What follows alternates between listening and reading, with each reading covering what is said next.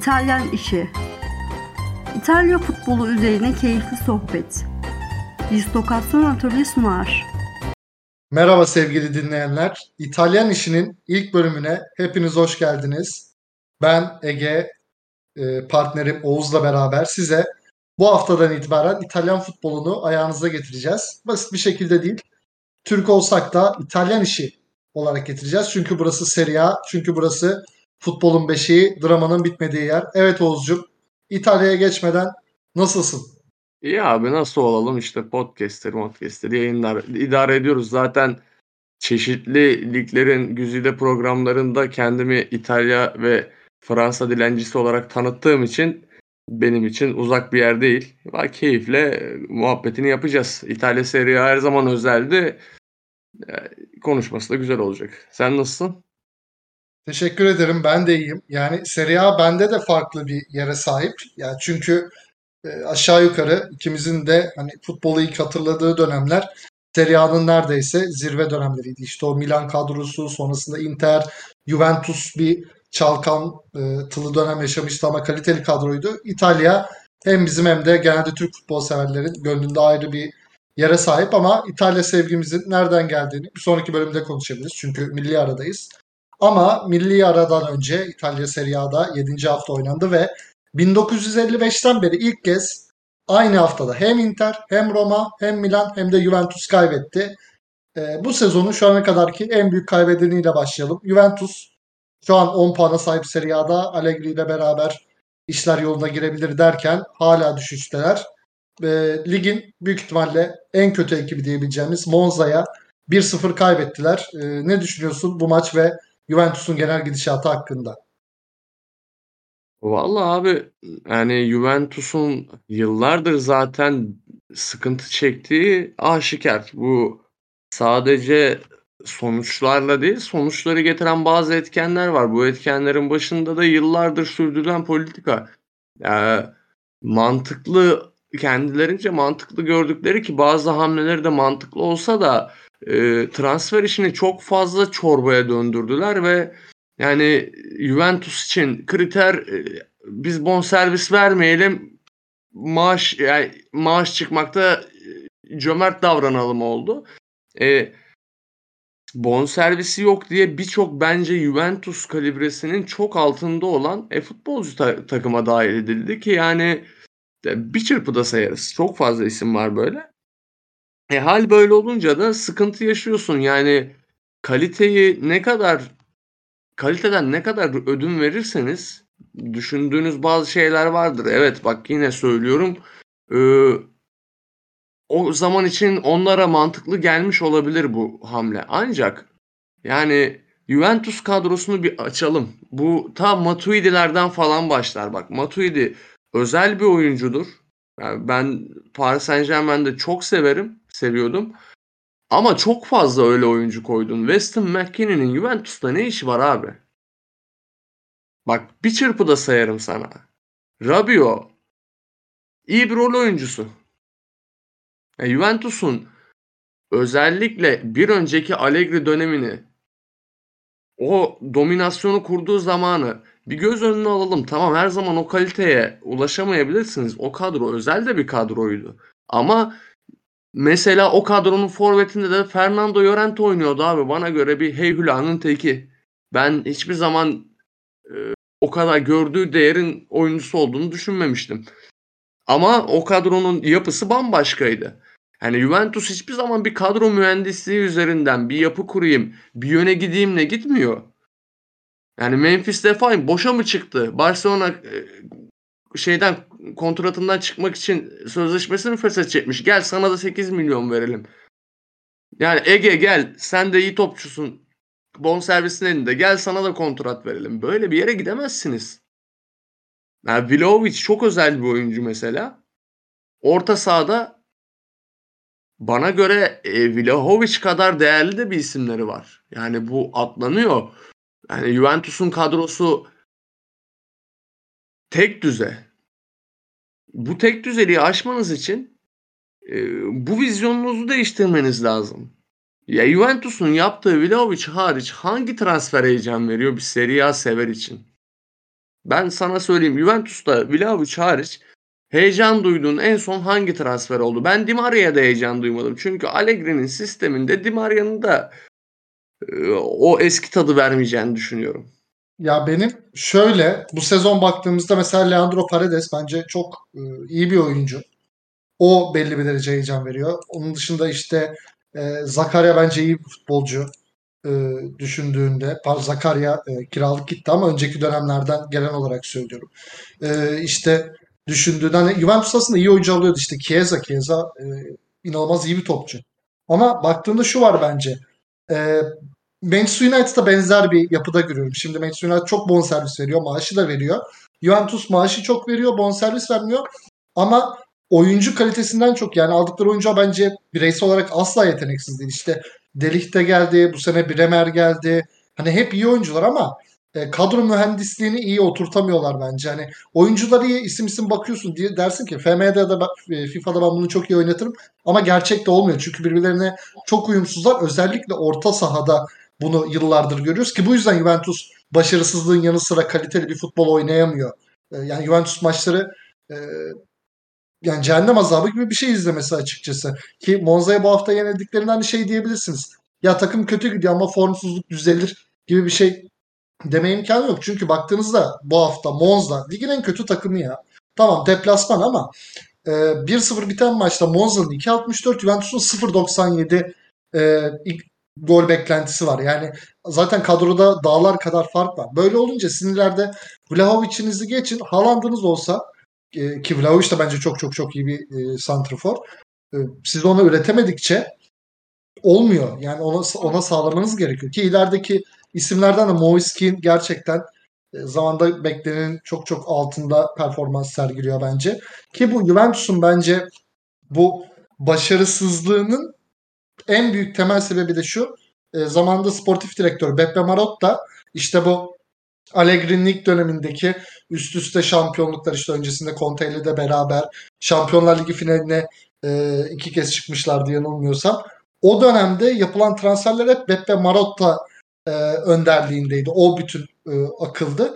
Ve e, bir scoutları vardı hatırlamıyorum. O da çok iyi iş çıkarıyordu. Beppe Marotta ile anlaşma olmayınca o da Inter'e gidince ki zaten Inter'in sonraki yükselişinde iyi transfer politikasını görüyoruz. E, bu bahsettiğim scout adını hatırlayamıyorum şu an. O Marotta'nın yerine geçti ama bazen e, ayaklar ne kadar iyi ne kadar çabalasa da beynin yerine geçmiyor. İşte bu noktada e, bir sorun yaşadılar bence. Yani orada planlamada artık transfer komitesinde bir sorun yaşadılar diye düşünüyorum ben. Aga yani tek bir şey söyleyeceğim. Bu takımın toparlanması için ki e, bu bunu söylemek ne kadar yani benim canım acıtıyor çünkü çok sevdiğim de bir isim ama yani Allegri'nin gitmesi lazım bu takımdan. Çünkü korkunç bir futbol var sahada. Bak benim yeğenim yaramazlık yapıyor. Bazen akşamları uyutmuyor. Bak gerçekten Juventus maçı açıyorum. Çocuk sakinleşiyor. Spikersiz böyle sessiz sessiz açıyorum. Ekranda izlerken çocuk çocuğun uykusu geliyor. Ya Allegri'yi de şu... Ve yani ne, Juventus'un CEO'sunu da e, biz Formula 1 severler tanır. Arriva Bene Reis. Yani bazı şeyler tesadüf eseri değil abi. Dediğin gibi. Yani sana şunu söyleyeceğim. Hangi takım Bremer ve Bonucci'den başka elle tutulur stoperi olmadan sezona başlar? Bremer çok özel bir isim. Bonucci özel bir oyuncu ama artık yani dedemin de yaşı geldi. Yani 87'li bu adam 35 yaşında. Tabii orası öyle yani ki sakatlık yaşaması durumunda e, ne olacak hani orta saha sorunlu diyoruz. İleride evet o ilerideki oyuncu kalitesi fena değil ama savunmada da e, çok net sorun yaşayabilirler ki zaten bu gidişatta e, görüyoruz ki yaşıyor Juventus kulübü. Yani şunu söyleyeceğim. Gerçekten şu takımın en iyi stoperi Meri olurmuş. Yani Meri'yi kaybetmek onlar için o kadar kritik ki. Yani Bremer çok özel bir oyuncu ama Bremer daha dur Bremer daha yeni geldi. Ya işte. Yani Meri'nin şu an Atalanta'da oynadığı oyuna o kadar ihtiyacı var ki Juventus'un. Ve Bremer'le muazzam ikili olurlarmış. Ben yani şu Bremer'in alışmaya çalıştığı halini izlerken bir de Meri'yi izlerken onu düşünüyorum. Yani Juventus korkunç bir şey yaptı orada Meri'yi kaybederken. Ya işte orada da bahsettiğim transfer komitesindeki o futbol aklı e, tam oturmaması, kulübün içindeki belirsizlik, dönüşüm e, bence bunda çok büyük pa- pay sahibi ki mesela bu sene yapılan bir transfere baktığımızda da ben çok çok büyük bir yanlış görüyorum. Paul Pogba e, yani Dybala'yı sakat oluyor, et- oyunda etkili olmuyor diye yolluyorsunuz ki e, bu eleştirilerde haklılık payı var. Ama baktığınızda Paul Pogba son birkaç sezondur Dybala'dan çok daha fazla maç kaçırmış durumda. Performansı zaten e, birkaç maçı iyi olup sezonun %70'inde %80'inde kaybolan bir oyuncu. Yani burada Pogba'nın alınması hiç mantıklı değil. İşte bu sene baktığım transferlerde benim aklıma ilk olarak bu geliyor. Ki Melih konusunda da belli bir derece katılıyorum. Yani evet direkt ilk 11 oynatmayabilirsiniz ama yani şu an e, takımın stoper rotasyonuna baktığınızda oynayabilecek bir oyuncu. Yani e, Rugani'den nesi eksik Melih'in baktığınızda? Abi abi Rugani'yi Galatasaray'a yazdılar. Benim iki gün Twitter'a girmedim aman gelir melir diye. Ya Yapmayın Allah aşkına. Rugani'nin stoper, ol, stoper olmadığını en iyi Rugani biliyor. Ki şu anda mevcut form durumları olarak da yani en, en kötü iki numaralı stoper olurdu. İlk 11 çıkardı. Pogba'ya geleceğim abi. E, Pogba en son futbol oynamaya niyetli olduğunda Mourinho bu adamı sol kanatta şey Solskjaer sol kanatta oynatıyordu. Bu kadar söylüyorum. Ve senin dediğin bir şey var. Esas Juventus'un durumundaki korkunçluğu o gösteriyor. Abi para dese heyecan duyuyoruz ya. Diyoruz ki iki top yapar, alver yapar. Ya öyle bir noktaya geldi şu takımın orta sahası.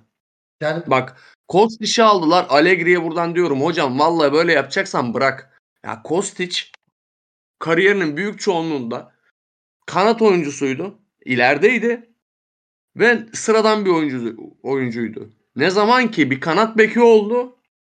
Ya Juventus kapısında yatacak hale geldi. E sen niye so- sola koyuyorsun abi onu? Ha Kostic'le oynayacaksın, üçlü oynatacaksın. Ama üç tane stoperin yok. O zaman niye aldın Kostic'i? Çünkü Kostic'in imkanı yok abi 4-3'ün ilerisinde oynamasının. Çünkü Kostic e, skor yani Juventus'un istediği skoru karşılayabilecek bir oyuncu mu? Evet ama bunu kanat bekten yaparak daha iyi alan buluyor kendine.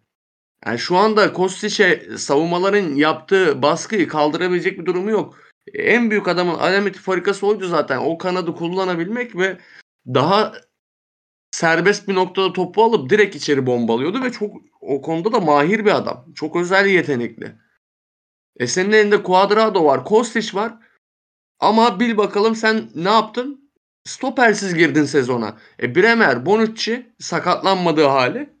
E Danilo'yu koyuyorsun oraya. Kerkör yama yapıyorsun. Bunu yap yani korkunç yani kadro planlaması. Abi Miretti oynuyor bak. Yetenekli bir oyuncu. Ama Miretti'ye yapılması gereken Miretti Sassuolo'da Juventus seviyesine çıkmayı bekleyecekti. Miretti'ye kadar düştü Juventus. Miretti'nin yeteneğinden hiçbir lafım yok. Özel de bir oyuncu olabilir. Yani bu takım Arkadiusz Milik'i aldı abi son gün. Can Smith'i diye. Vlahovic'in arkasında onu yedekleyebilsin diye. Çünkü Moiskini diye bir facia var takımda. En son e, Everton'a gitmeden önce Juventus'ta iyi bir wonderkid olarak çıktı. Sonrasında hiçbir şey yok adamın. Yani bırak kendini geliştirmeyi e, çıktığı halinden geriye dö- döndü. aldığı maaşla da Moiskin takıma büyük bir yük yani. Ki Cansem'in E, dediği abi. Cansem'in dediği Milik de ufak ufak aslında hani takımda bu sene e, Vlahovic'le beraber belli bir şeyler gösteren oyunculardan. Ama Juventus'ta gerçekten problem çok. Ya bir derece e, Chiesa'nın sakatlığı, çapraz bağı yırtması onları e, kötü bir duruma soktu. Chiesa'nın gelişiyle e, bir nevi toparlanabilirler ama yani bu şampiyonluğa oynamak işte ya da şampiyonluğa oynayabilmek için e, çok yeterli olmayacak. Çünkü baktığınızda işte ya kadroyu düşünüyorum. McKennie çıkıp gol atabilir, gol katkısı sağlar. Chiesa bir anda bir yetenekle sağlar. Vlahovic işte inanılmaz bir oyuncuya dönüşüyor. Frikik de ekledi inan e, repertuarına. Oradan da atıyor ama sürekli bir şekilde gol katkısı alabiliyorsunuz. Yani oyun yok ki Abi olması için oyun gerekli. Vlahovic e, şa- yani manyak manyak işler yapmasa, o frikikleri atmasa Allegri belki de işinden olacaktı. Allegri'nin işini kurtarabilecek tek şey korkunç bunu söylemesi ama Paul Pogba futbol oynamaya niyetliyse Allegri'nin işi kurtulur. Çünkü e, Juventus'un bu kanı gibi oyunu, Juventus'un bu temposuzluğu ve özellikle orta sahanın korkunç kısırlığını çözebilecek tek oyuncu. Çünkü e, Parades e, yetenekli bir oyuncu, iyi de bir pasör ama sen Parades'ten skor da bekleyemezsin, skoru yaratmasını da bekleyemezsin. Parades hem Zenit'te hem Paris Saint Germain'de e, bu bunları bize göstermedi. Böyle bir şeyleri yok. Böyle melekeleri yok. Onun başka bir yetenekleri var ve takıma katkı verebilir. E sen tüm zarını, tüm sezonunu ailesiyle şu anda girdiği kaosa zaten futbolla alakası olmayan futbola dönerse de futbol oynamaya niyeti olup olmadığı belli olmayan bir oyuncuya yatırıyorsan geçmiş olsun abi çünkü yani Serie A'yı görüyoruz. Serie A eskisi gibi Juventus'un elini kolunu sallayıp kazandığı bir lig değil. Milan'a bak yani bir konuşuruz. Milan hala gümbür gümbür geliyor. Kadro kalitesinin hala çok üstünde. Napoli de öyle. Yani Roma bile Mourinho çok acayip şeyler izletiyor abi. Ben Juventus'tan 3 senede izlemediğim kadar keyifli maçı Roma'da bu sezonu izliyorum. Ki dörde baktığında şu an e, Napoli, Atalanta, Udinese, Lazio yani e, Serie A'da son birkaç sezondur hep bir rekabet var. Belli bir derece yani Juventus'un o domine sezonlarına göre. Ama ya bu sezon çok daha farklı bir şey izleyebiliriz. Daha çok hafta olmadı. Daha 31 hafta var sonuçta fikstürde. Ee, ama bu sene hani her takımın belli bir seviyeye oynayabileceği. Udinese buradan düşer ama Atalanta e, belki artık o be, oyunun sonucunu alabilir. E, Napoli zaten gümbür gümbür geliyor. Lazio büyük ihtimal buralardan düşer. Hep bir coşup sonra patlıyorlar ama Milan işte Roma'yı göreceğiz. Inter toparlanabilirse onlar da ciddi aday. Yani Juventus'un örneğin Şampiyonlar Ligi potasında dışında kalması pek beni şaşırtmaz bu e, ligin rekabetine baktığımızda. Yani ilk 8'de çok gümbür gümbür ilk 4'de oynayabilecek takımlar olduğunu görüyorum ben ki Pogba dedin. Pogba yeni yıla kadar yok en az diz sakatlığından daha doğru düzgün e, bir şey oynayamadan.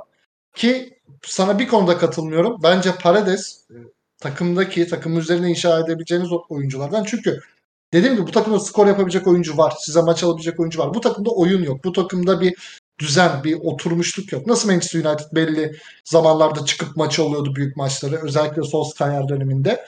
Bunu yapabilecek bir kadro var ama küçük takımlara karşı diş geçirebilecek. Bu haftaki Monza en büyük örneği işte Cremonese, Sampdoria e, yani onları domine edebilecek, force edebilecek bir oyun sergileyemiyorlar ve bu şekilde ayağınız çok kayar. E, ilk dörde, dörtten de e, düşersiniz açıkçası. Yani Juventus için işler iyi gitmiyor dediğim gibi. Ama e, bir milli araya kadar yani milli ara derken Dünya Kupası'na kadar bir takım toplayabilirse e, belki bir şeyler yapabilir ama Allegri giderse de yani kim gelirse gelsin bunu nasıl toparlayacak bilmiyorum. Çünkü Juventus'un da bu sene 100. yılı. Onlar için önemli bir sene ama e, ne yapabilecekler? E, pek öngöremiyorum açıkçası. Juventus hakkında başka bir eklemek istediğin var mıdır senin? Abi e, takım skor buluyor da böyle Vlahovic'in başına iki kişiyi koyarlarsa yani o zaman şeye orta sahadan destek istersin. Ne destek yapacak da kimse kalmıyor orta sahada da şey tebrik ediyorum. Yani 100. yıl için mükemmel bir kulüp ya. Yani sırf 100. yıl değil 97. yıldan beri e, bayağı bir çalkantılılar açıkçası. Yani abi mesela az önce bahsetti. Atalanta'ya bak. Yani Gasperi'nin orada girdiği şeylerin, dertlerin, tasaların haddi hesabı yok ya. Yani İliç için özel hayatı. Papu Gomez'le yaşadığı krizler, Zapata'nın sürekli sakatlanması, işte Gosens'ten çıktılar sakatlık sorunlarından dolayı. Meri'yi stopere adapte etmeye çalıştılar. Kaleciler değişti. Gollini gitti. Musso geldi. Bak Gasperini kaç kere yol ayrılığının eşiğinden döndü. Adamlar hala zirveye oynuyor. Sadece Juventus yönetimiyle de değil abi. Allegri Juventus'a gelirken Fatih Terim'in Galatasaray'a gelişi gibi geldi. Yani Sezar Roma'ya bu kadar güçlü girmemiştir. E bu kadronun kurulumunda Allegri'nin de suçu var abi. Ben sanmıyorum Allegri'nin istemediği oyuncuların alınabileceğini. E çünkü hatırla yani Pirlo faciasından sonra Allegri Sezar gibi girdi Torino'ya. Doğru. Çok da isteniyordu taraftarlar tarafından. Hocanın da yani gerçekten geldiğinden beri yani daha önce elimizde şeyler olmasa Allegri ile ilgili muazzam şey doneler vallahi diyeceğim yani hoca yapamıyor ama yani çok şaşırtıcı açıkçası benim açımdan. Ya bilmiyorum ne yapacaklar ne edecekler de yani Juventus'un kısa vadede toparlaması çok çok kötü gözüküyor. Yani zor gözüküyor. Ya biraz da panik, panik hamlelerine giriyorlar. Gerçi yani Mili aldılar şeyin arkasına ama o katkı verebilecek bir oyuncu. Mesela Kostić alıp kullanamamak çok kötü bir şey. Bakalım ya. Hadi gel iki Udinese konuşalım da keyfimiz yerine gelsin. Ya. Yani şöyle diyeyim. Bence bu Juventus'a çok bile konuştuk. Bu Juventus bizim Abi ya çok bile benzer renkleri var ama daha güzel oynuyorlar. Gel iki Udinese atalım. Katılıyorum. Nasıl Güneş Batmayan podcast'te o da bizim Premier Lig podcast'imizdir. Manchester United her hafta skandalla konuştuysak Juventus da öyle olacak gibi. Ama dediğin gibi şu ana kadar bir inanılmaz iş çıkaran Udinese'ye bir bakalım. Udinese hakkında neler söylemek istersin? Ben çok fazla izleme fırsatı bulamadım ama e, baktığında e, Milan'a kaybetti bu sezon. E, ardından Sal, e, ligin zayıf ekiplerinden Salernitaná'ya karşı evinde puan kaybetti 10 kişi kaldığı maçta. Ama ondan beri tüm maçlarını kazanıyor ki bunlar arasında flash bir 4-0'lık Roma galibiyeti ve bu haftaki 3-1'lik Inter galibiyeti var. Ne söylemek istersin Udinese hakkında? Valla abi yani Udinese hakkında uzun uzun konuşmak lazım. Çünkü bu kulübün geldiği nokta çok ilginç. Yani Pozzo ailesi yıllarca Udinese'ye üvey evlat muamelesi gösterdi. Bunu söylemekte bir beis yok. Çünkü onların esas nasıl diyeyim yoğunluğu ve mesaisini Watford'a harcadılar. Bununla birlikte yani Watford'un özellikle küme düşmesinden sonra oradaki değerli oyuncular bir bir buraya geldi. Yani Championship Lig'de oynamak istemeyen oyuncuları özellikle Pereira olsun, Delefe olsun bunlar gerçekten özel oyuncular bu lig için. Ee, onlar Udinese'ye geldi ama e, bu mesela Isaac Success mesela ben çok beğenirim. Abi, mesele tamamen bunların takıma katılmasıyla birlikte değil. Yani özellikle ben burada Andrea Sot ile özel bir parantez açarım. Tamam? Bu kadroyu ilmek ilmek işledi. Bak mesela onlar için en büyük şans Tottenham'ın Perişic'i almasıydı. Neden? Çünkü Udoji'yi sattılar. Muazzam bir oyuncu. Ben bu kadar ciğeri olan bir oyuncu görmedim. Yani temposu hiç düşmüyor abi adamın. Ve yetenekli de bir çocuk. Yani daha çok genç bir oyuncu. Bence de yani e, ucuza da ucuza da gönderdiler. Ama mesela Udoji'den bir sezon daha faydalanacaklar. Yani Perişic'i alması Tottenham'ın onların işine de yaradı. E, mesela Inter maçında sağ kanat bek Pereira oynattı abi. Pereira ne alaka sağ kanat bek. İleride Beto var insan yiyor. Ben böyle fizik güçlü oyuncuları çok seviyorum. Yanına Delefeu'yu koyuyorsun. Delefeu de korkunç bir inceci. Yani adamın yani şey olsa bir hizmeti olsa para verip alırım. Yani Dölöfeu'yu sadece izleyebileceğim bir kamera olsa ücretli alırım abi. Herifin bilekleri hiç durmuyor. Ya onun da farklı sıkıntıları var ama bence Udinese'de muazzam bir şey dönem geçiriyor. E orta sahada Wallace'ı, Makengo'yu, Lovric'i koymuşsun tatlı tatlı. Bak ilmek ilmek işleniyor buradaki her oyuncu. Yani Rodrigo Becao dediğin oyuncu gerçekten hocanın yükselttiği bir oyuncu. Ben çok severim ama ilk geldiğinde ben diyordum yani bu pozisyon bilgisizliğiyle ne yapacak bu adam? İlk çıktığında. E, Nehuan Perez benim hepimizin FM severlerin bildiği bir tatlı bir wonderkid'tir. E, böyle böyle ilmek ilmek işlendi mesela. Almanya'dan Ehizibue'yi aldılar. Tempolu ve bu ligde özellikle kanat bek olarak kullanırken çok verim alacağınız bir oyuncu. Bunların hepsini topladığında iyi bir yapı oluyor. Evet, şu an e, kapasitelerin çok üstünde performans sergiliyorlar. Bunu da söylemek lazım. Bu takım düşecek. Bu takım ilk ona girdiği zaman başarılı addedecek bir takım kendini. Ama 7 hafta geçmiş 16 puan almışlar. Udinese dünyalığını yapıyor zaten şu an.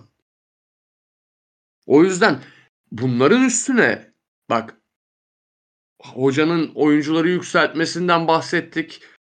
İşte şu oyuncunun şu özelliği var dedik. Bir de keyifli futbol izletiyorlar. Her hafta Udinese maçı izle hiç sıkılmazsın. Bak mesela Atalanta bu kadar keyifli top oynamıyor biliyor musun? Udinese çok daha keyifli oynuyor. Ya Juventus Udinese'nin temposuna bir maç çıksa hakikaten manşet olur İtalya'da. Ve e, takımların bütçelerine, kadro kalitelerine bakarak yani tebrik etmek lazım. Sezon başından beri ben ayıla bayıla izliyorum. Bir de yani Beto'yu koymuyorsun, Sakses'i koyuyorsun. Sakses de tempolu, hızlı oyuncu. Delefeu de inceci oyuncu. Mesela Beto'yla tamamen zıt Sakses. E, yine oyununu oynamaya devam ediyorsun. E, burada da hoca kalitesi ve e, hocanın ve yaptığı işe saygısı ortaya çıkıyor. Allegri'de en çok sinir olduğum şey. Yaptığı işe e, saygısızlık biraz ağır bir itham ama yani hocanın hiç o kafaya girdi. Burada da hocanın ilmek ilmek işlediği bir takım var. Ve yani Milli Arabistan'da Udinese maçı izlesek diye ayıla bayıla bekliyoruz abi. Bak Hellas Verona'ya gidecekler bir sonraki hafta. Milli aradan sonra. Müthiş maç. E bir de pazartesi fikstürü var ya hiç sektirilmez bu maç mesela. Ya öyle bir takım olabilmek çok değerli abi. Yani Serie A bir ara kısır döngüye girmişti. Premier Lig'in maddi gücüyle birlikte ve e, İspanya'daki o Messi Ronaldo rekabetiyle birlikte ciddi bir kaosa girmişti. Serie A'nın e, birkaç yıldır bir ayağa kalkışı var ve gerçekten bu ayağa kalkışta büyük kulüpler kadar Juventus hariç bu orta sıra takımların e, kalitesi ve performansı gösterir ligin değerini. Mesela Premier Lig'de 20 takımın en az 18'i çataşaf futbol oynar. Garanti 3 puan yazamazsın o takımların deplasmanlarına gittiğinde. Kazanırsın evet ama sezon başı 3 puan yazamazsın. İtalya'da da bu oluyor yavaş yavaş. Evet fazla e, transfer şeyinden dolayı sarsılsa da mesela Sassuolo abi. Sassuolo deplasmanında 3 puan öyle kolay kolay yazamazsın. Yani Fiorentina bunlar daha kalbur üstü mesela Torino. Bu camialar her zaman liglerde önemlidir bu tarz takımlar. Udinese'de bunun en güzel örneği ayıla bayıla izliyorum. Umarım da devam ederler. Ya sana şöyle diyeyim. İtalya'yı benim en sevme nedenlerimden de ilk 10 takım dediğin gibi kolay kolay yenemeyeceğin takımlar. Bu sırf 2-3 senedir de böyle değil açıkçası. Hani bir ara Juventus hegemonyası oldu ama ben e, İtalya'yı hatırladığımdan beri baktığında hep kalbur üstü takımlar zorluk çıkarıyor. İşte kimdir bunlar? Şu son birkaç senedir şampiyonluğa oynasa başarılı olsa da eskiden bu derece olmayan ama sorun çıkarabilen Napoli. İşte son senelerde yine yükselişte ama bir zamanlar o kadar olmayan ama kolay yenemeyeceğiniz Atalanta. E, Udinese bu sezon çok iyi. Daha sonra bir düşüş yaşadılar ama Di Natale dönemi Udinese gerçekten size sıkıntı çıkarabilecek takımda. İşte Lazio'su var, Roma'sı var. Zaten e, daha çok başa oynar Inter, Juventus ve Milan var. Torino dediğin gibi Fiorentina, Sassuolo çıktı ve İtalya'da şu da çıkıyor sürekli. E, mesela son 5-6 takım e, kadro kalitesi olarak çok geride oluyor ama e, her sene sanki bir hocayla, bir yapılanmayla özel bir takım oluyor sorun çıkarabilecek. İşte kimdir bu? Geçen sene Hellas Verona'ydı. İşte bu sene biraz Udinese gibi. Udinese'nin kulüp kültür yapısı onları bir tık daha da yukarı atabilir. E, Sampdoria'da bu sene çok kötü olsalar da belli bir dönem e, sorun yaşatabilecek takımlardı. İşte çok eskiye baktığımızda zirveye kadar oynamış Parma var. İtalya'da bunların çıkması bence çok güzel. E, yani Premier Lig'e göre bence her zaman bu yanında ben daha çok sevdim. Bilmiyorum belki bana öyle geliyordur ama yani e, ben İtalya'da Milan'ı tutuyorum ama her zaman şey oluyor bende. Torino maçı var bir izleyeyim. Sassuolo var izleyeyim. Roma var izleyeyim. E, kendini bir çekiyor. Udinese ile de ilgili ben hani Udinese eskiden Di Natale'den beri seviyorum. E, hatta ara ara FM kariyeri bile açarım ama hani çok tuttuğum bir takım olmadı Di Natale dönemi harici. E, bu sene izleme fırsatım da olmadı. Dediğin milyarda sonrası pazartesi fikstüründe izleyeceğim ama e, büyük ihtimalle benim izlemem onlara puan kaybı ve kötü bir oyun e, yazar ama umarım öyle olmaz ve hani bu çok övünen Udinese'yi e, bir 90 dakika izlemek istiyorum. Özetlerden gördüm ama özetlerden e, Juventus'un da kazandığı bir maçta Juventus'un olması iyi oynamış diyebilirsiniz ama e, aslında öyle olmaz. E, Udinese'ye bakalım. İleriki haftalarda daha fazla konuşacağız. Ee, Abi bir de şundan da bahsetmek lazım. Bak tam Udinese'deyken bunu da konuşmak lazım. Eskiden yani mesela çocukluğumuzun Serie A izleme deneyimini bir aklına getir. Şey vardı hep tamam? Böyle e, haftada iki tane şey gördüm. Kievo Ascoli öğlen fikstürü sıcak hava ve 0-0 abi. Öldür Allah 0-0 biter. E, bu İtalyan savunması mitinin aslında çıktığı şeydir. Hala İtalyan savunması özeldir ama eskiden oyun biraz daha o yöndeydi. İtalya kendini özellikle bak bu Premier Lig'in yükselişi ve İspanya'nın bu Messi Ronaldo e, döneminin artık sonuna geleceğini hissettirmesiyle birlikte bu İspanya'nın düşüşünün kan kokusunu al- aldı sanırım ve kültürünü değiştirmeye başladı abi İtalya. İtalya ligi maçları eskisi eskisinden çok daha keyifli izlence olarak. Ben savunma savunma da bana çok keyif veriyor. Ben mesela Aykut Kocaman'ın bazı maçlarında o yani Fenerbahçe başındayken bazı maçlarına ayıla bayıla izliyordum. Ben savunma da severim. Ama demek istedim İtalya Serie artık seyirlik olarak da çok güzel bir lig. Ya kabız takım çok azaldı bak. Aklına getir yani Serie A'da bu sene kaç tane kabız takım var? Bak Monza diyoruz. Ya Monza'da bile 3-4 tane varyeteci var ve oynamayı istiyor takımlar. Ya şeyi düşünelim. Geçen seneki Salernitana e, bu sene yaptığı bazı eklemelerle de bence e, az kalsın küme düşüyor. Yani Udinese'den 4 yediler ve saçma bir şekilde e, o sıradaki rakiplerini hatırlamıyorum ama küme düşen rakipleri sa- sayesinde ligde kaldılar. Bu sene kendilerini öne attılar ki iyi de tak- e, futbol oynamaya başladı takım.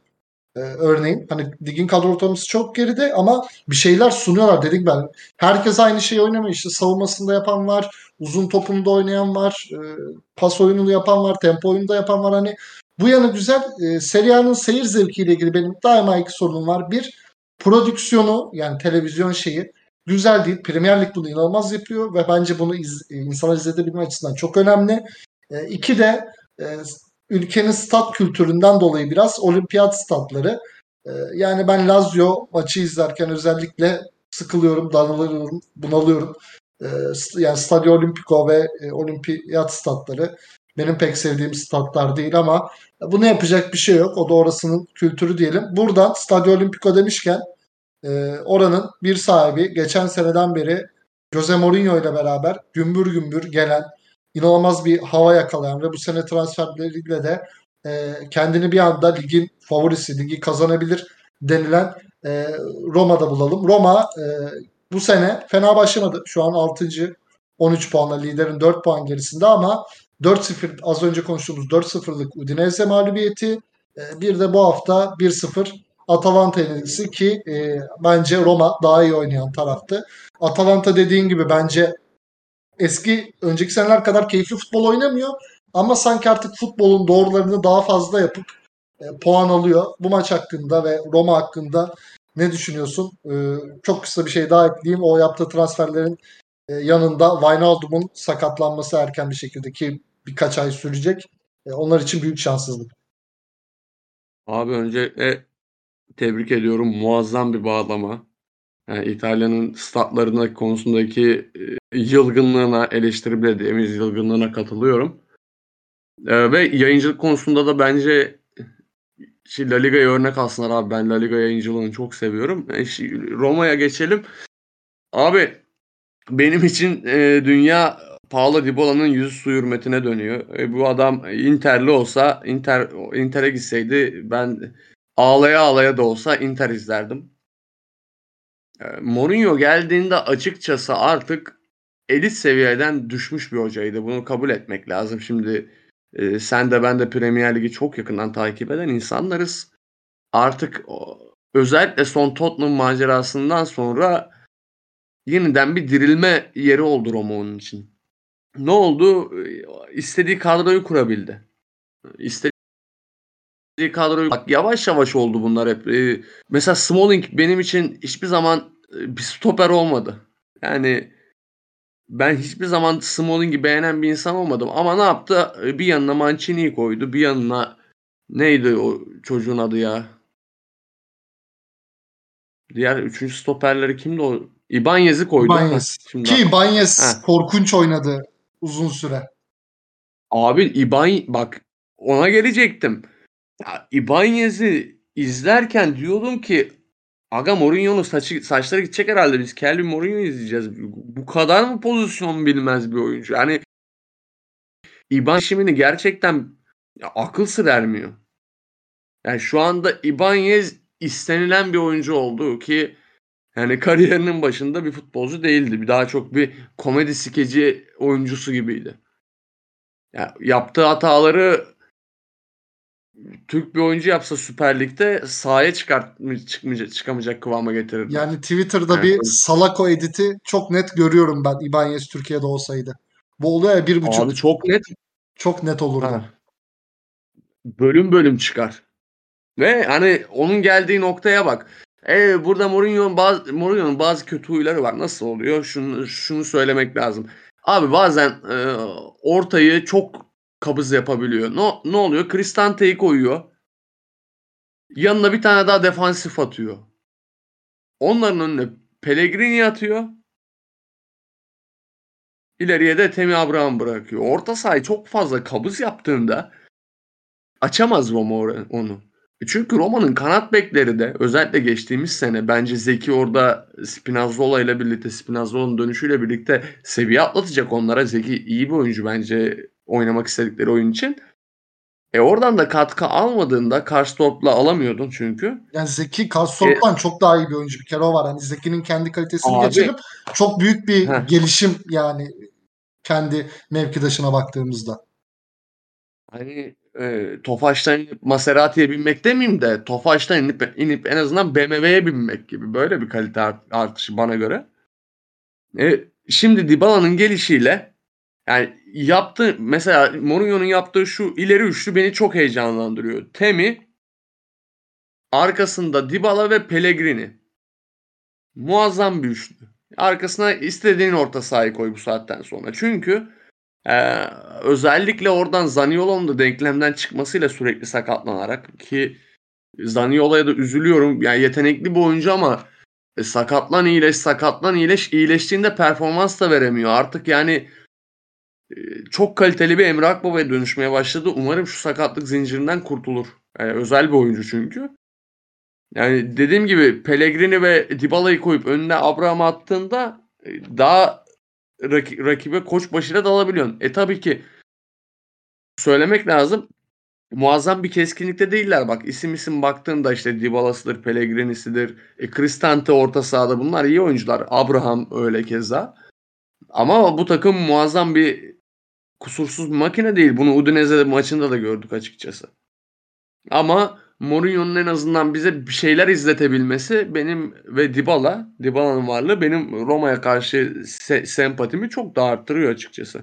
E, Pellegrini'yi de sayabiliriz. Pellegrini de çok özel bir oyuncu. Mesela e, Chelsea'nin bu durumunda yani Temi Abraham olsa Chelsea ne durumda olurdu? Yani Serie A'da izliyoruz Roma formasıyla iki sezondur.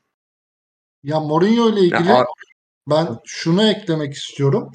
Ee, Mourinho bence hani United döneminde de bunu gösterdi. Tottenham'da da gösterdi ama hani hep kendisinin bir oyunculara tavırlıdır. Birisine taktı mı takar düşüncesi var ya. Bence bu Mourinho için çok yanlış. Çünkü baktığımızda işte e, United'da pek yüzüne bakmadı. Smalling o dönem Mourinho ile çalışmıştı diye hatırlıyorum. Smalling vazgeçilmezlerin oldu. Çünkü e, burada burası onun için doğru yer. Burada, burada iyi de performans sergileyen. İngiltere'de korkunç bir stoperdi. Çünkü oraya uygun değil. İşte baktığımızda Pedro'dan yararlandı. Ee, işte Manchester United döneminde Juan Mata'yı Chelsea'den göndermişti ama aldığı oyunculardan oldu ve Mata'dan da en iyi yararlanan hocalardan birisi oldu bence Manchester United'da.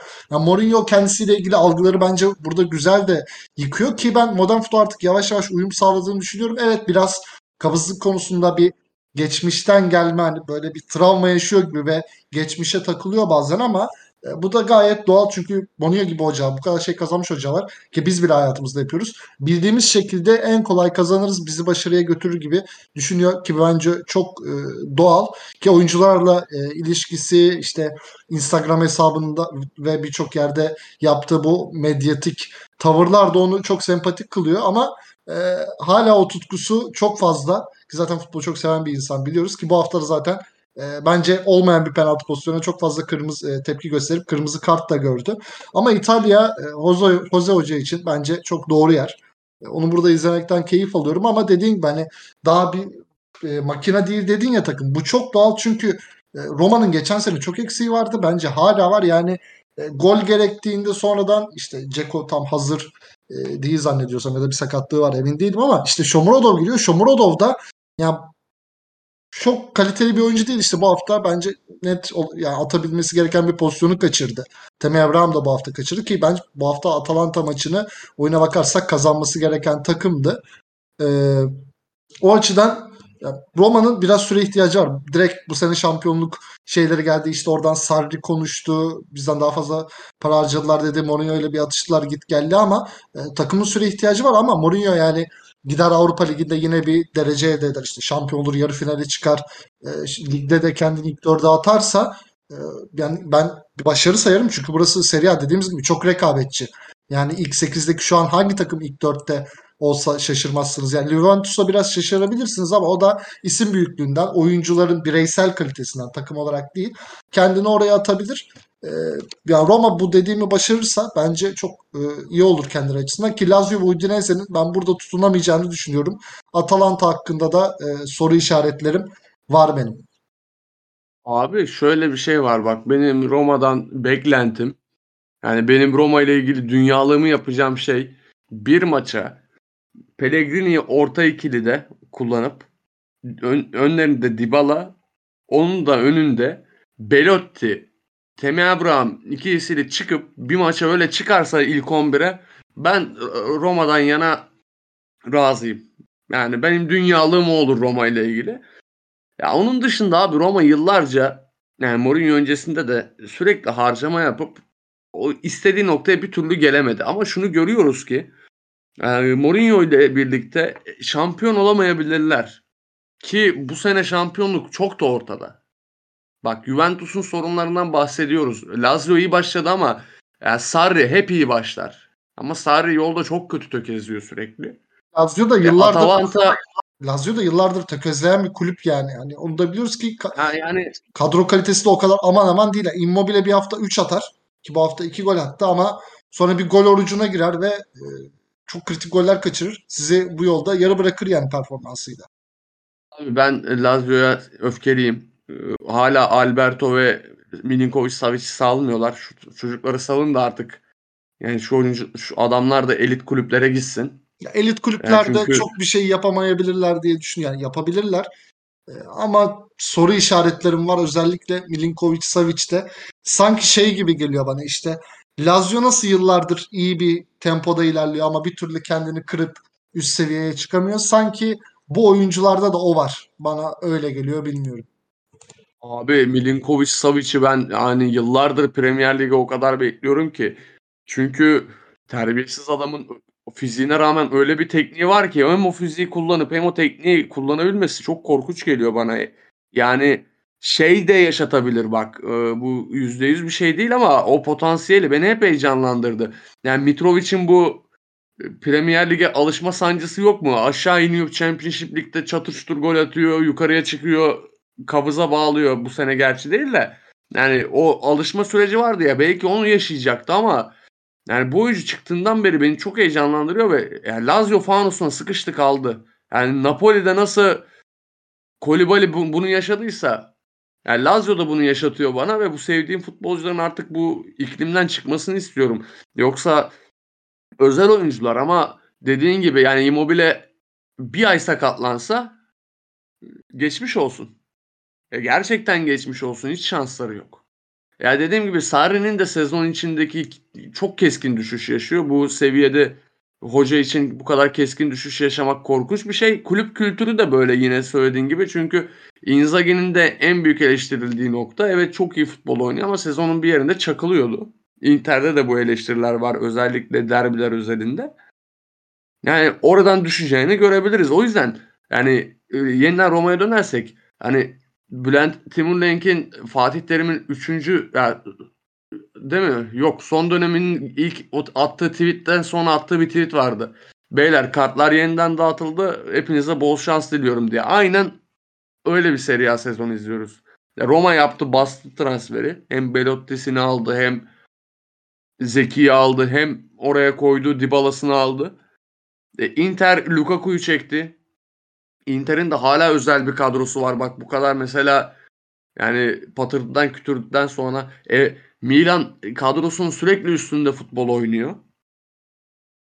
ve Juventus'a bu kadar sallarken yani yani Juventus'un kadro kalitesi belki de bu takımların eş düzeyinde hatta üstünde. Yani büyük bir keşmekeş var.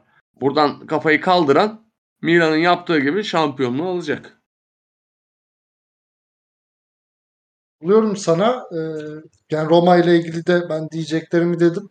Ee, bakalım göreceğiz ne oluyor. Hoca başarılı olur. Ki Roma'da benim hani Roma bütün futbol severlerin işte Totti'den dolayı ve böyle eskiden forma renklerinden dolayı da benim e, sempati duyduğum bir kulüp. Umarım başarılı olur. Hem Roma Abi evet ya. değil mi? Eski, ya özellikle o eski formalar çok iyiydi. O şey yok mu? Bu, ha, bunların Manchester'dan 8 falan yedikleri sezondaki o sarı kırmızı forma yok mu? Neydi onların sponsoru? Bivin miydi? Şey Bu tad, şey değil jo, Taddeylerin falan oldu. Joma vardı bir ara sanki.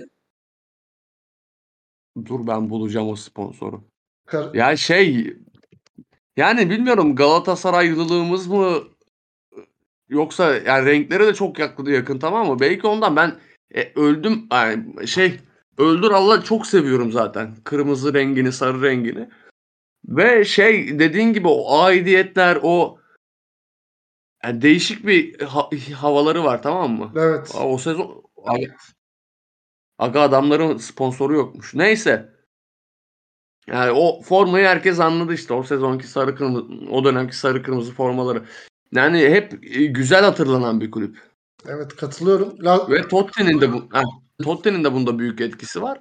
Mesela Lazio'ya göre çok severim. Lazio'yu hiç sevmem. Lazio'yu ben de Ki orada sevmem. daha çok sevdiğim futbolcular. Yani Lazio'yu ben de çok sevmiyorum. Ee, Lazio'nun da büyük ihtimal bu hızlı inip hızlı düşüşleri e, Mussolini'nin genetiğinden kalma bir şey. O da siyah tişörtlerle hızlı yükselip ardından tepe taklak olmuştu tam anlamıyla kelimenin. Neyse fazla siyasi yapmayıp başkenti kenarda bırakalım ve bu haftanın zirve maçıyla direkt hem kalite olarak ki bence çok iyi bir maç oldu hem de e, birincilik konusunda, liderlik konusundaki maçı Napoli Milan'a geçip programımızın son konusuna değinelim. E, maçı izledim ben. Bana göre e, bilmiyorum katılır mısın? Maçı hak eden taraf yani hak edenden çok maçı kazanmaya daha yakın olan taraf, daha iyi pozisyonlar bulan taraf Milan'dı ama e, biz seni bilmiyorum ne tahmin etmiştim maçtan önce. Ben başa baş gideceğini düşünüyorum. Napoli'yi bir tık daha önde görüyordum. Özellikle Leao'nun yokluğuyla. Ama herkes Nusret gibi bir e, İtalya Serie A gurmesi değil. 2-1 skoru bile bilmiş adam. Ben bilemedim. Milan'ın kazanmasını isterdi. Gönlümüz ikimiz de Milanlıyız burada. E, ne buldun maçtan? Neler bekliyordun? Nasıl geçti maç? Beğendin mi? Kim daha galibiyete yakındı? Ve hem Milan hem Napoli hakkında da görüşlerini almak isterim ben senin. Abi yani e, katılıyorum düşün, düşüncene çünkü e, Leao'nun olmayışı direkt sana şeyi veriyor zaten. Ateş gücünün ve maç içindeki yap, rakibe e, verebileceğin zorlukların azalmasını sağlıyor. Ee, özel bir oyuncu, çok özel bir oyuncu. Yani Leao'nun e, süreç içindeki gelişimini şimdi böyle şu an bile düşünmeye başladığında insan etkileniyor. Yani özel bir yetenek olarak geldi ve hem fiziksel hem oyun mentalitesi olarak Pioli bambaşka noktaya verdi. E böyle bir oyuncu ve Lea olmadığında Theo'dan da aldığın katkı azalıyor. E şimdi böyle de bir sıkıntısı var. E bununla birlikte yani Milan bıraktığı yerden devam ediyor açıkçası. Yani Milan yine bu sezonun iddialı takımı. Yine şampiyonluğa gidebilecek bir takım. E çünkü dediğim gibi lig ortada ve Kesiye'yi kaybetse de hala özellikle ben deketeler, dekateler her neyse çocuğun şeyi e, telaffuzu. Milan'ın hala güçlü olduğunu düşünüyorum. O, mesela abi Milan sağ tarafında Alexis Salemax'le, Salemakers'le abi Belçikalılar beni bitirdi bu programda. Ve e, futbolcu olduğunu 28 yaşında fark eden Messias'la şampiyon oldu ya. Abi Yani kadro kalitesi buradan hesap et. Abi Giroud teneke bağlanarak gönderildi. Şampiyon yapan oyuncu oldu. Buradan hesap etmek lazım. Yani e, Napoli maçında sahaya çıkan kadrosunun üstünde bir futbol oynadı yine. Ve sol kanatta Kurin için oynadığını da söyleyelim. ya Yani Kurunic Yetelerle Ya- yer değiştirse de zaman zaman. Yani, ka- Yani maçın başlangıcında yayıncı kuruluşta sol kanatta Kurunic vardı ve korkunç bir şey. yani şöyle e, katılıyorum sana eksiklerle beraber ki hani Milan da hala aslında yapım aşamasında olan bir kulüp. Çünkü geçen sene orta sahada Kessie vardı. E, Kessie bedelsiz olarak e, Milan'dan gitti Barcelona'ya. E, işte aynı benzerini ondan önceki sene Hakan Çalhanoğlu'nda yaşadılar. Yani Milan yaşadığı ekonomik krizi düşüşü Maldini'nin komutasında çok iyi bir şekilde yapıyor. Yani Juventus'ta bu ne kadar kötü durumda dediysek e, Milan da çok iyi gidiyor. Bence de Catelare iyi bir transfer, iyi bir katkı. Fena da performans sergilemiyor. Mesela aynısını ülkesi şey hemşerisi diyeyim. E, Salemaker için söyleyemem. Çok dengesiz bir performansı var ki e, De Ketelaere'nin de gelişi işte Milan'ın oyununa ket e, kete vuran hem e, Salemaker hem de e, Diaz'ın kesilmesiyle takımı yukarıya çıkaracaktır. Çünkü yani Zeki ve e, Karlstrop konusunda dediğim gibi sadece oyuncunun kendisi değil yerine kimin geçiyorsa oradan ne kadar seviye atlatacağı da önemli ki bunu bence başarıyor Milan. Ee, yani Giroud da gerçekten ya ben Giroud'u her zaman beğenmişimdir Arsenal'dayken de. Evet çok kazmalıkları oluyor gol atma konusunda ama bu hafta da inanılmaz servisler yaptı. İşte golü attı yani takımı ateşliyor. Hala çok oynamak istiyor ve bence yaşına göre ki fiziğine de göre bu oyuncu uzun boylu ve yavaş bir oyuncu. Ona rağmen e, çok iyi performans sergiliyor. Özellikle Origi ve İbrahimovic'in yokluğunda da ki bu takım işte daha mesela az katkı verebilecektir büyük ihtimal yaşından ve sakatlıklarından dolayı ama İbrahimovic gelecek. İşte Origi'si gelecek. O açıdan çok önemli ama sana Messias'ı yedirtmem Ozi'cim. Gerçekten yani film çekilmesi gereken bir adam ve e, sonradan ne zaman oyuna girse ya da ilk 11 başlasa iyi kötü bir şey yapıyor. Yani bir pozisyona en az girdiğini görüyorsun. Bir çabası var. Becerisi de bence hiç fena değil. E, hani Adam Sandler sana sesleniyorum buradan. Sevdiğim bir oyuncusun. Sevdiğim yönetmenlik senaryo işlerini de fena becermiyorsun. E, Hoops'u fena bulmadım ama gel biraz futbolla ilgilen şu Messias'a bir film çekelim seninle. Gerçekten inanılmaz bir hikaye. Aga Messias'ı ben de kimseye yedirmem. Ben zaten kötü topçu demedim de bu adam 2 sene önce 3 sene önce öğrendi futbolcu olduğunu 31 yaşında Messias. Yoksa geçtiğimiz sezon şampiyonluk maçında hoca şu Alexis'i çıkart da pardon Sassuolo maçından bir maç öncesinde hoca şu Alexis kazmasını çıkar da Messias girip iki tane araya pas salsın şampiyon olalım dediğimi hatırlıyorum. Doğru. O Theo'nun o sapık golü attığı maçta. Şey topu alıp sürdüğü 3-0'lık maçtı Aynen. sanırım. Gerçekten inanılmazdı. Ya Ve şey abi Milan için bak Milan'ın şansı Sergio Dest, Yasin Adli ve Pobega'yı da bu yaz alabilmesi. Bence e, çok güzel bir şeyden bahsettin. Yani kulüp yönetimi olarak da çok iyi ilerliyor Milan. Ve bu satıştan da etkilenmeyecek. Yani Maldini'nin orada yaptığı şeye çok saygı duyuyorum. Yani futbolcuyken nasıl insanların altına oyan bir karakterse yöneticiyken de kulübü yücelten bir karakter oldu. Bu ekonomik e, süreçte muazzam idare etti. Yani burada da Maldini Hoca'ya da payayı vermek lazım. Ne, sallayacağımız yerde sallarız da. Yani Yas- Yasin Adli'yi ben Fransa Ligi'nden bayıla bayıla izlediğim bir oyuncu. E, Pobega'yı geçtiğimiz sezon izledik. Abi Tonali Pobega orta sahası yaptığında önüne Brahim Diaz'ı falan atabiliyorsun zaten. Ya da Deketeleri. Ya Brahim Diaz'ı mümkünse hiç atmayalım. E, Pep'in bu adamı neden Abi- beğenmediği ortada. Bence yani ben hani ya bakıyorum tak mesela Kurinic dedim. Kurinic e, müthiş bir oyuncu değil ama belli teknik özellikleri var. Özellikle günündeyse. Çalışkan, çaba sarf eden bir oyuncu ama ya Diaz ve Salemakers bence bu takımda çok sırıtıyor. E, yani onlar başladı mı aman biraz sıkıntı yaşayacağız Abi diyorum. yani yani 10 numarayı bu adama vermeyeceksin o zaman ve şey yani Brahim Diaz biraz da şey olarak kullanacaksın. Yani dakika 70 skor bulman lazım. Sahayı karıştıracak bir miksere ihtiyacın var. Abi sırtını sıvazlayacaksın paşamın. Diyeceksin ki ya sen takıl kafana göre al topu bir ortalığı sen bir karıştır bakalım. Orada Jiru Baba falan bir şeyler halleder dersin. Yani oradan Leo soldan gelir. işte Theo gider 40 metre 5 kişi çalımlar atar da sen bir ortalığı bir karıştır dersin. Ama oyunu Brahim Diaz üzerine kurarsan e, sıkıntı olur o zaman tabii. Ya sıkıntı şurada biraz. Ben Roma gibi Milan'a da bu yüzden hala kurulan bir takım dedim. İşte yani bu takım tam kurulduğunda Brahim Diaz'ın işte Salem Akers'in büyük ihtimal bu takımda çok çok çok bir yeri olmayacak. Çok daha süreleri azalacak ya da takımdan ayrılacaklar diye düşünüyorum. Ayrıca abi yani Salem Akers var, Salem Akers varken Brahim Diaz'a o laf düşmez. E, Salem Akers özel bir kazma. Ya tabii ki düşündüğümde benim Villarreal'de çok beğendiğim bir oyuncu olmasına rağmen Castillejo seviyesinde e, yani Castillejo da Serie A'ya çok uymadı ama yani Salem Akers'in zaten yeteneği de aslında Castillejo kadar iyi değil. Castillejo aslında çok yetenekli bir oyuncu. Ben Villarreal'de çok beğeniyordum.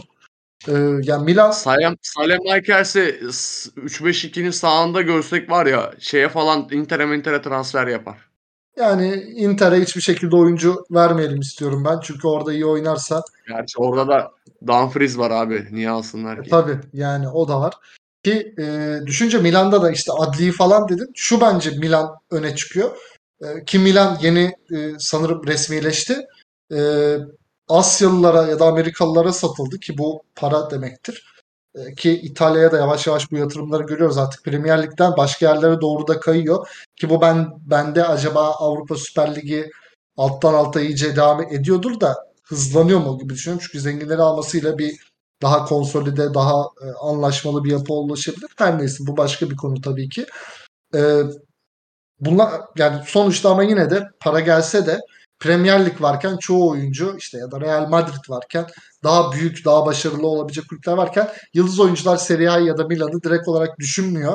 E, ama işte Yasin Adli gibi işte e, Milan'ın kalecisi, Lille'nin kalecisi şu an adını unuttum. Mandanda diyesim var. Mandanda olmadığını biliyorum. Hey manyak. Manyan, manyan gibi hani gelişime açık ileride çok yüksek karla çok yüksek paralara satabileceğin oyuncuları getirmem. Burayı bir rehabilite merkezi gibi kullanman da bence çok önemli. Ee, işte bu Milan'ın bence doğru reçete bu ki Maldini de e, bunu uyguluyor. Gerçekten saydılar. Hem sahada hem sağ dışında e, bir lider Maldini. Maldini baba ya. Şamp- Paris Saint Germain'i şampiyonluktan eden Lille'in kalecisini nasıl çorba parasına getirdin bir anlat ya. Yani Lille yöneticilerini Milano'da akşam gezmesine mi götürdün abi? Kafası güzelken mi kabul ettiler? Yani ciddi çok komik rakama geldi mesela bak şimdi çok çok iyi yerden girdin. Manyan abi Milan'ın mentalitesini tamamen gösteren transfer. Geçen sene şampiyon bir de şöyle bir şey var. Benim çok beğendiğim de bir kaleci ki geçen sene şampiyonlukta inanılmaz bir rolü vardı bence. Hani e, Abi çok ara sakatlandı. Kale boş devam etti takım. yedek kaleci kimdi? Onu unuttum bak. Tataruşanu. Tatar da bir benim izlediğim bir iki maçta penaltı bir maçta penaltı falan kurtarmıştı. Yani mesela tabii Yani, kalite olarak çok farklı da yani e, Tatar yani ama şeyi fark ettirdi bak şunu da söylemek lazım. Inter'in yedek kalecisi şampiyonluk kaybettirdi. Bizimki onu yapmadı şimdi. Bunda da dürüst olmak lazım. Çocuğun da hakkını yemeyelim. Tabii, tabii. Diyorum da gerçekten. Ha, O 40 yaşında falan mı ne Tataruşanu? Tataruşanu Şimdi çocuk dedik. yıllardır etrafta cidden düşününce ya işte bu san- O- sanki Wonderkid dönem böyle Wonderkid'liği vardı sanırım onun bir dönem. O yüzden Abi çocuk gibi kaldı. 36 yaşındaymış ya. Üçüncü kaleci de Mirante 39 yaşında. Bir 2008 Dedemin, 2008 kaç yıl dedemin beli öncesi? dönmüyor. 10 14 sene öncesi. 14. Yok, Tataraşanu değil, başka. Pantilimon'la karıştırdım. Pantilimon'un sanki ben Wonderkid'liğini Bir ara hatırlıyorum. o da vardı doğru. O hatta bizim bizim vardı. ligi Deniz diye gelmişti galiba geçen sene Türkiye'ye. Aa ben. Türkiye'de hatırlıyorum doğru lan. Her neyse çok farklı yerlere gittik. Ee, Milan üzerinde çok konuştuk. Biraz da galip ve e, şu ana kadar bana göre ligin hani Milan'ın bir tık Maruf üstünde takımı. Aynen ligin bir tık daha favorisi olan şu ana kadar. Napoli hakkında eklemek isteyeceklerim var mı? Belki ileride Abi inanılmaz hücum hattı olur. Ee, belki Kim Min-jae'nin performansı olur. Ne demek istersin? e, hepsinden bak kısaca bahsedelim. Emince açıkçası e, Kolibali sonrası en iyi gidilebilecek isimdi. Çünkü yani Minje'nin hem Fenerbahçe'ye hem Napoli'ye gidişi Minje'nin kariyerini ne kadar iyi yönetebildiğini ve belki de e, ne kadar iyi bir menajer olduğunu gösteriyor. Çünkü Fenerbahçe'den daha iyi teklifleri olmasına rağmen e, gelen teklifler içinde benim bildiğim çıkış opsiyonu en düşük olan teklif Fenerbahçe'ninki de. O yüzden Fenerbahçe'ye geldi. Çok kısa Yani bir şey Fenerbahçe- ekleyeyim araya. Lafını bölüyorum kusura bakma. Aynı şey e, Napoli'de de geçerli. De Laurentiis'in ne kadar kurnaz, ne kadar çılgın, ne kadar e, yüksek paraya oyuncu satmak istediğini bilen birisiyiz ki e, hem zirveye oynayabilmek hem de daha pahalıya satmak uğruna yıllarca satmadı.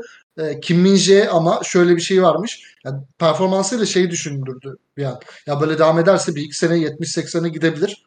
Ama e, Kim Min 45 milyonluk bir çıkış maddesi varmış. Ki bu dediğin konuyu bence e, doğrulayan başka bir nitelik. Özellikle bunu Dolarentis gibi başkana kabul ettirebilmek açısından. Yani oradan oraya gidecekti mi? Napoli'ye de bunu yaptırdı. E, bu oyuncunun Premier Lig'de oynamak istediğini biliyoruz artık. Bu ayyuka çıktı ve yani Napoli için çok önemli bir şey bu bak.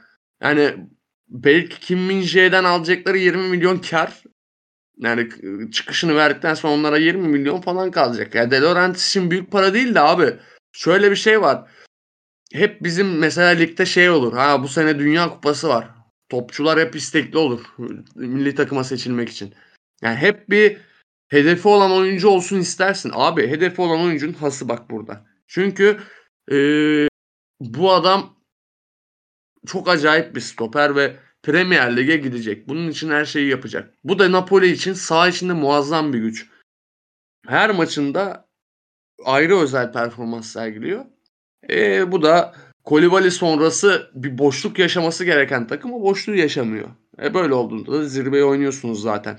E, e, Spalletti e, özellikle son 5-6 senedir o şeyden çaptan düşmüştü. Bu takımla birlikte gerçekten o seviyeye yeniden döndü. Yani adamın kurduğu orta saha Liverpool'u paramparça etti Şampiyonlar Ligi'nde. Bundan biraz bahsetmek lazım. Yani Angisa özellikle Fulham sonrası o seviyeye hala gelemedi. Gelememişti. Napoli de Angisa'dan bir canavar çıkartmayı yeniden başardı. E, Kva evet. Kvara. Spikerler bile bu arada e-sport spikerleri bile Kvara diyor abi. Bu çocuğun ismi biraz sıkıntılı bir isim. Ben Gürcü e, çocuk Kvara... deyip geçiyorum açıkçası. Çünkü yani bazı isimler gerçekten zor. Yani onu diyecektim. Yani Kvara e, takıma çok ciddi bir heyecan getirdi. Bundan bahsetmek lazım. Çünkü özel bir yetenek. Bunu sahaya çıktığı ilk anda görebiliyorsunuz ve yani hep söyleriz bu tarz yetenekli ve potansiyelli oyuncuların e, sahaya çıktığında bu özgüveni kazanabilmeleri onlar için çok önemli. E, hem gelişmek için geldiği potansiyelli göründüğü birlikte ta- takımda e, yaldır yaldır başladı sezona. Yani Insigne'den sonra böyle başlamak kolay değildir. Kulübün sonuçta önemli bir e, yüzünü yüzünün yerini alıyorsunuz. Her oyuncu için baskıları bu ama Kvara hem yeteneğiyle hem de o belli ki ya yıldız oyuncular böyle ortaya çıkıyor açıkçası. Hem yani Kvara'nın da gelişiyle yani ben zaten Osimhen'in hayranıyım. Yani bence çok özel bir oyuncu ve onun da bilmiyorum De Laurentiis'le ilişkisi nasıl? Yani onun da birkaç seneye yavaş yavaş uzaması lazım ki yavaş yavaş da kapıyı, kapıyı yoklamaya başlıyor takımlar. Özellikle Premier Lig'den ben çok ilginin olacağını düşünüyorum. Ki Potter'la birlikte para harcamaya başlarsa Chelsea yavaştan bir yanlar. Artık onların Lukaku'yla bir geleceği olacağını düşünmüyorum. O bağın koptuğunu düşünüyorum. Yani Lukaku Inter almaz. Ya zorunlu var mıydı ya Lukaku'nun sözleşmesinde? opsiyon ben normal opsiyon opsiyonlu diye hatırlıyorum ama yani Lukaku da şu bence çok belli. Lukaku artık Premier Lig oyuncusu değil bir Serie A oyuncusu. Yani ne kadar Serie A oyuncuysa Premier Lig'e o kadar uymuyor. Belki bu e, sadece teknik anlamda değil çok büyük ihtimalle büyük ihtimal psikolojik burada teknik anlamda oyunculuk anlamında yetse de yetmese de o psikoloji devreye girdiğinde ki Lukaku'nun bence çok sağlam bir oyuncu psikolojisi yok. Orada sıkıntı çekeceğini e, biliyoruz. O yüzden Premier Lig'e dönmesi çok manasız olur. Yani Premier Ligi gümbür gümbür e, işte West Bromwich döneminde ilk Chelsea dönemlerinde estiren ve ne oyuncu geliyor, yeni Drogba geliyor dedirten Lukaku değil bence. E, Premier Lig. Vallahi abi arasında. yani geçtiğimiz sezon Chelsea'ye girişini hatırlarsak bilemiyorum hala o konuda şüphelerim var. E, sana tam olarak katılamasam da psikolojik olarak evet öyle. Yani oyuncuyu Yani sürekli sahaya odaklamanız lazım. Kafası çabuk bunalan bir oyuncu. Inter'de onun e, bu kadar iyi olmasının sebebi de buydu. Saha için odaklayabiliyordu hocası onu. Yani Tuchel'in forvetleriyle yaşadıklarını da düşünürsek e, Lukaku'nun su kaynatması normal ama Lukaku'nun özellikle Inter kariyerine bakıyorum gayet başarılı. Yani şey diyecektim yani e, Lukaku sonrası Potter bir ileriye 9 numara isterse yani Osimhen orası için çok iyi aday. E yine Manchester United konuşuldu. Hatta Ronaldo'yla takas olacak mı olmayacak mı konuşuldu. Yani Manchester United da o topa girmek isteyecektir. Yani çok iyi kadrolar. Kadroları var. Benim şu anda şu anlık benim için birincil adaylar şampiyonluk için. Ama onların da şeyi sezon içindeki inişleri çıkışları fazla oluyor bakalım yani. Yani şu anda keyif veriyorlar bunu söylemek lazım. Ya Napoli'nin bir de şampiyonluk yarışında bence bir tık öne çıkan özelliği e, kadro rotasyonu daha geniş bence. Milan'a kıyasla. Çünkü işte baktığında yedekten giren forvet Giovanni Simeone inanılmaz bir topçu değil ama e, bence çok iyi bir golcü. Hani girdiğinizde çat diye gol atıyor Abi, ki bu hafta yani- gösterdi bunu. Ha Osimhen'in arkasına hani sahaya atıp arkanıza bakmayacağınız bir oyuncu ekleyebilmek çok büyük bir lüks. Raspadori de öyle. Tabii Ras E Lozano da öyle. Lozano formsuz ama yani bu takımı sırtladığı dönemleri gördük yani. İşte Elif Elmas var e, daha kadroda hani çok geniş ve e, iyi bir kadro bana göre. Ya belki biraz savunmada sorun yaşayabilirler o. Ama orada Abi hep bekleri sıkıntılı onların ya. Evet. Mario Rui'ye ben yani benim Mario Rui ile ilişkim belki orada aldıkları Marcelo Marcelo Oliveira şey olabilir. Mateus, E zamanla Mateus Oliveira değil şey mi? yapar. Ben yanlış hatırlıyorum? Marius mu? Mat Matias, Matias doğru doğru. Matias. Ne? Matias pardon. Ya ben bu çocuğu FM'de Galatasaray'a aldım. Nasıl unuturum adını ya. FM'de çok karışıyor Yani ama şey o, o savunmayı yani kaliteli o savunmayı hani be, stoper olsa da liderliği, çabukluğu, gücüyle oynuyor Allah aşkına Kim Min-jae'nin yanında ya. Bu insan utanır 2022 yılında Rahmani'yi koymazsın artık stopere. yani ama Bir tane alırsın. düşündüğünde Kim Min-jae Türkiye'de bile kimlerle nasıl bir performans sergiledi.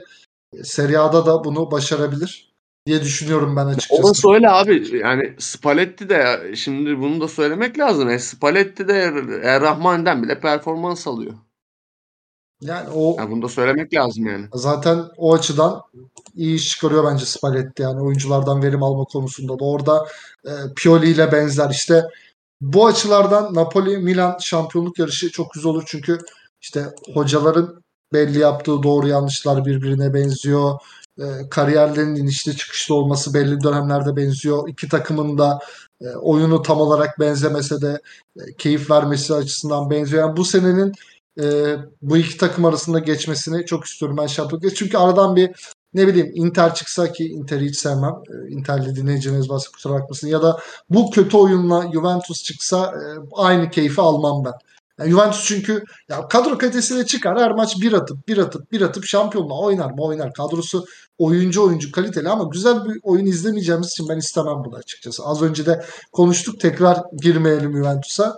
Her hafta zaten büyük ihtimal onlara böyle bir 5 dakika yergi yapacağız gibi duruyor.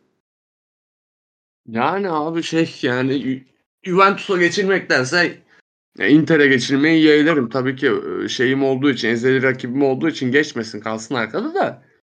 Yani en azından orada futbol oynayan bir oynamaya çalışan bir yapı var. Öteki taraftaki gibi eee, bir adım ileri, üç adım geri gitmiyorlar. Korkunç bir noktada o yüzden o noktada Juventus. Ya Inter'de en azından görüyorsun da Inter'de işte Inzaghi çok iyi futbol oynatıyor ve çok iyi A plan hocası ama özellikle büyük maçlarda e, biraz e, kabıza bağlıyor.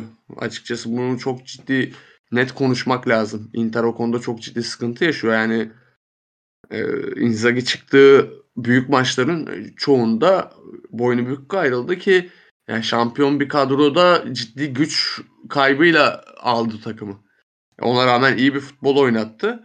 Ancak Inter'de de beklentiler şam, bu böyle birlikte şampiyonluk olacak tabii ki. Bu çok normal bir şey. Bakalım Inzaghi'nin de o büyük maçlarla şeyli imtihanını izlemek keyifli olacak bakalım. Bir de şeydi zorlu da bir grup çekti. Barcelona ve Bayern Münih oldu. Yani Inter rakiplerinden geride olsa da oradan e, çıkmayı isteyecektir. Bu da onları fikstür anlamında özellikle Dünya Kupası olduğundan iki, her iki haftada bir yerine her hafta oynanan Şampiyonlar Ligi'nde biraz e, zorlayacak. Zaten sene Dünya Kupası'nın olması çok çok şeyi değiştirebilir. Çok sürprizler ortaya çıkarabilir. Onu zamanla göreceğiz. E, Inter'le de ilgili benim de birkaç görüşüm var ama e, programı e, daha fazla uzatmamak adına sonraki haftalara bırakıyorum ki aynı zamanda bu gözlemlerim ne kadar doğru ne kadar yanlış bir sonraki e, daha doğrusu 3. bölümümüze büyük ihtimalle Serie A'nın 8. haftasından sonrasına e, bırakmak istiyorum. Oğuz ağzına sağlık. Çok güzel bir program oldu. Serie A konuşmayı zaten seviyorum. Özlemişim de. Senle de ilk kez program yaptık. O yandan benim için özel oldu. Senin kapatmadan eklemek isteyeceğin birkaç şey var mıdır? Vallahi abi ben de bayağı keyif aldım. Ne özlemişim Serie A konuşmayı ki keyifli bir, bir lig. Senin de ağzına sağlık. Umarım dinleyenler için de keyifli olur. Devam ederiz. Ben Serie A'ya kurşun atar kurşun yerim. Ben de aynı şekilde. Umarım dinleyicilerimiz keyif almıştır. Bir de ya ben de futbol konuşmayı özlemişim. Güneş Batmayan Podcast'te iki tane kendini bilmez arkadaşımız. Onlar birbirini tanıyor. Ben de onları çok iyi tanıyorum. Onlar yüzünden futbol konuşamıyordum ya. Saçma saçma saçma saçma. Futbolu bilen, futboldan anlayan, ayrıca gerçekten bir futbolun oynandığı ligde şovdan çok e, konuşmak çok keyifli. Bir de buradan e, son olarak bir selam çekeceğim ki bence bence sen de selamıma katılırsın. E, Emre Can Yıldız. Az önce bahsettiğim iki kişiden biri benim yıllardır dost olduğum bir insan. Kendisi de birkaç gün önce İtalya'ya gitti. E, bu program sana özel değil, şımarma ama e, İtalya'da umarım her şey istediğin gibi olur. E, bunları İtalyanları dinletebilirsin. İlla sen İtalyanca öğreneceksin diye bir şey yok. Onlar da Türkçe öğrenebilir. E, kendine iyi bak. Ya geldiğinde görüşelim. Vallahi. Bir yandan da içim buruk yani yıllardır tanıdığım bir insanla artık az görüşebilecek olmak ama kendisi adına çok sevinçliyim. E, darısı umarım benim de başıma. Can benim canımcımdır. Her ne kadar sonradan tanışıyor olsak da ben hepinizi çok seviyorum. Güneş batmaya da buradan öpüyorum. Siz bakmayın Ege'ye.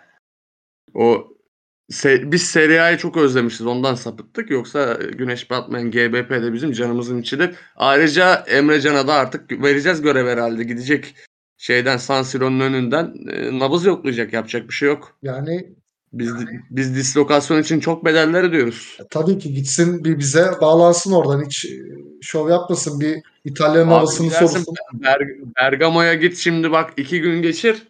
Yani Atalantalı olursun. O kadar güzel yerler. O da bizim gibi Milanlı, Milanlı bir insan. Milan'dan şaşmaz diye düşünüyorum. Abi. O konuda hata yapmaz. Artık Leo ile bir röportaj mı ayarlarsın? Maldini Hoca'ya sorar mısın bu manyanın nasıl bu parayı aldınız? Abi hizmet bekleriz yapacak bir şey yok. Yani, ben öyle, öyle ben İtalya'ya gittim ne olmuyor bu işler Emrecan? Yani Maldini'ye gitmesini tavsiye ederim. Çünkü euro olmuş bilmem kaç. E, Maldini'den bir ne nasıl ucuza alır, ekonomi nasıl yönetilir?